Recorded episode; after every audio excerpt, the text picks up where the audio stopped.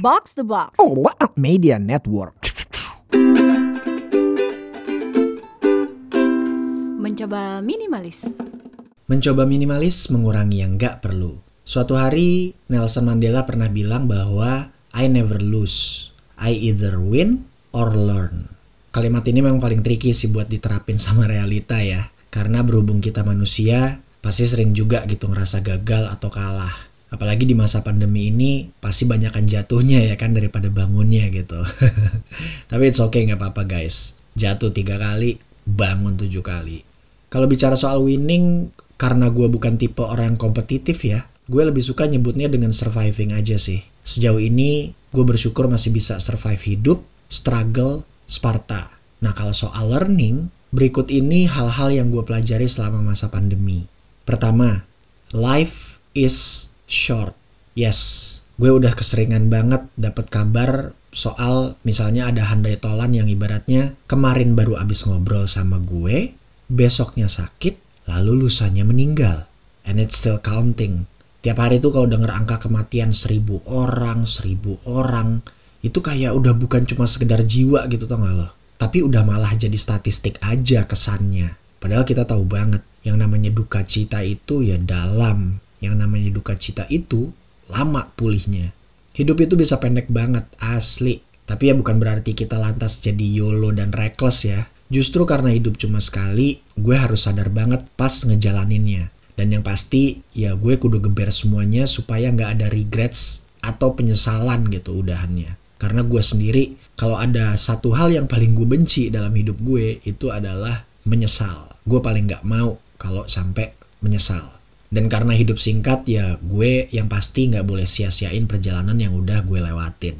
Gue bakal kelarin tesis, gue akan fokus bantu lebih banyak lagi proteksi orang-orang dengan bisnis insurance gue. Gue bakal geber musik dokumenter beatbox kecak gue dan wujudin proyek-proyek lain yang tertunda. Dan gue bakal tambahin UP jiwa gue juga buat warisan untuk nyokap dan keluarga gue. Pelajaran kedua, jobs are temporary. Kalau ngomongin kerjaan baik itu sebagai karyawan, ini termasuk PNS ya guys, self-employee, sampai pengusaha, semua rata kena anyep. Beneran deh. Gue tuh belajar banget bahwa ya nggak ada itu kerjaan yang abadi ya. Semua tuh bener-bener bisa hilang sekejap. Proyek bisa batal, gig bisa di cancel, deal-dealan bisa mundur, kontrak bisa terminated di tengah jalan, pembayaran pun bisa banget gitu di cut di satu sisi gue sebetulnya nggak mau ya kalau harus bergantung sama kerjaan atau hidup cuma buat kerja doang. Tapi realitanya 3 per 4 waktu kita kan ya udah keserap ya buat gawean. Yang notabene ketika situasinya nyusruk, kitanya ikutan nyungsep. Dan dedikasi kita juga kayak seolah-olah jadi sia-sia gitu jadinya kan. Sementara tagihan ya jalan terus juga. Dengan menyadari hal tersebut, gue belajar banget bahwa gue bisa review lagi nih potensi diri apa aja yang bisa dioptimalin untuk menghasilkan cuan tanpa menggerus diri gue jadi zombie. Gue punya potensi untuk jalanin berbagai hal secara online, baik itu ngajar, berkarya, prospekan, atau bangun tim. Gue tinggal develop aja gitu dan jalanin bisnis model yang anti pandemi. Sehingga hal-hal yang tadinya atau memang akan selalu temporary sifatnya, at least bisa bertahan jauh lebih lama. Pelajaran ketiga, your savings can save you. Ini bener banget. Gue selalu bilang ke diri gue sendiri dan teman-teman bahwa dalam keadaan prihatin gini, cash is king. Dana darurat itu is everything deh. Semua tabungan yang gue simpan selama ini, nyatanya memang bisa nyelamatin gue pas keadaan genting. Jadi pas lagi ada rezeki lebih atau side hustle yang lumayanan nih cuannya, gue langsung alokasiin dulu buat nabung.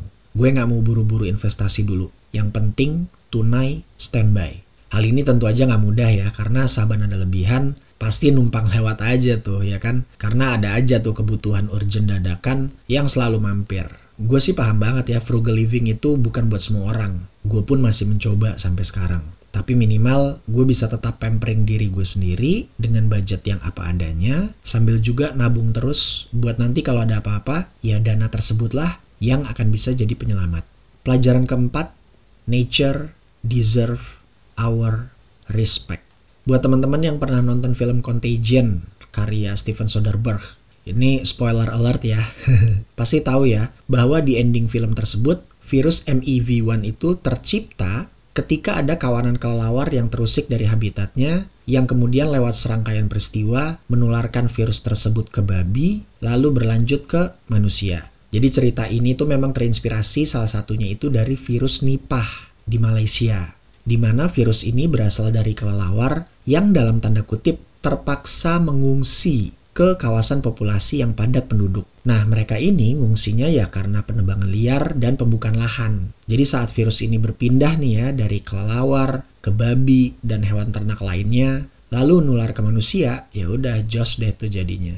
Nah, kita sendiri juga udah sering baca berita kan, kebakaran hutan udah sering kejadian. Es di kutub udah pada cair, alias air laut juga pasti naik. Sampah di gunung, di sungai, itu juga nggak habis-habis, malah nambah terus. Gue kan jadi mikir ya, baik itu gue hidup sendiri atau misalnya nanti gue berkeluarga, kayaknya gue dan kita semua bakal ngewarisin lingkungan yang gawat nih buat generasi selanjutnya. Karena kalau gue perhatiin ya, dari semua jenis makhluk hidup, kita itu yang paling banyak nyampah. Itu fakta, nggak dilebih-lebihin. Dan alam juga selalu punya caranya sendiri buat bales kelakuan manusia. Kayak sekarang aja kita sendiri udah kena karmanya kan. Covid ini kalau menurut gue sih cuma pemanasan aja. Kalau gue dan kita nggak segera benahin lingkungan, ya nature will always find a way ya to restore the balance. Intinya jangan sampai deh kita yang jadi virusnya. Pelajaran kelima, your greatest wealth is your health.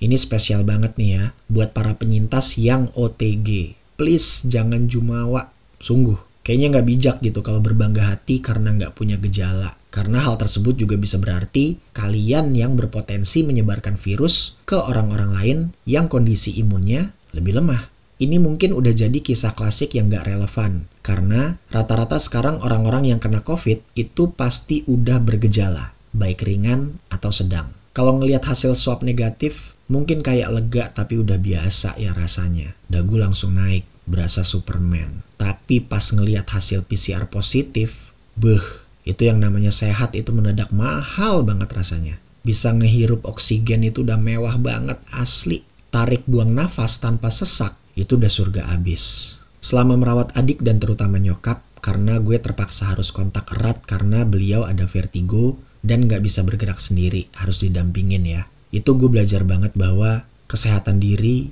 itu berharga banget, kuadrat. Bayangin ya, Gue gak punya jimat apa-apa, gak ada ilmu kanuragan, gak ada khodam gaib dari nenek moyang. Modal gue cuma vaksin Sinovac aja dua kali suntik plus prokes ketat. Posisi gue itu rentan banget, sumpah. Belum lagi kalau saban hari, misalnya kondisi lagi naik turun, di mana yang satu isoman, yang satu di rumah sakit, itu kan secara nggak langsung ya berpengaruh gitu sama kondisi psikis gue juga gitu. Belum lagi kalau lagi dengar misalnya ada berita duka cita gitu dari media, dari kolega sekitar, itu badan gue langsung anget bawaannya, langsung berasa sumeng, sesak tipis di dada, tengkuk kenceng, terus misuh-misuh, banyak deh.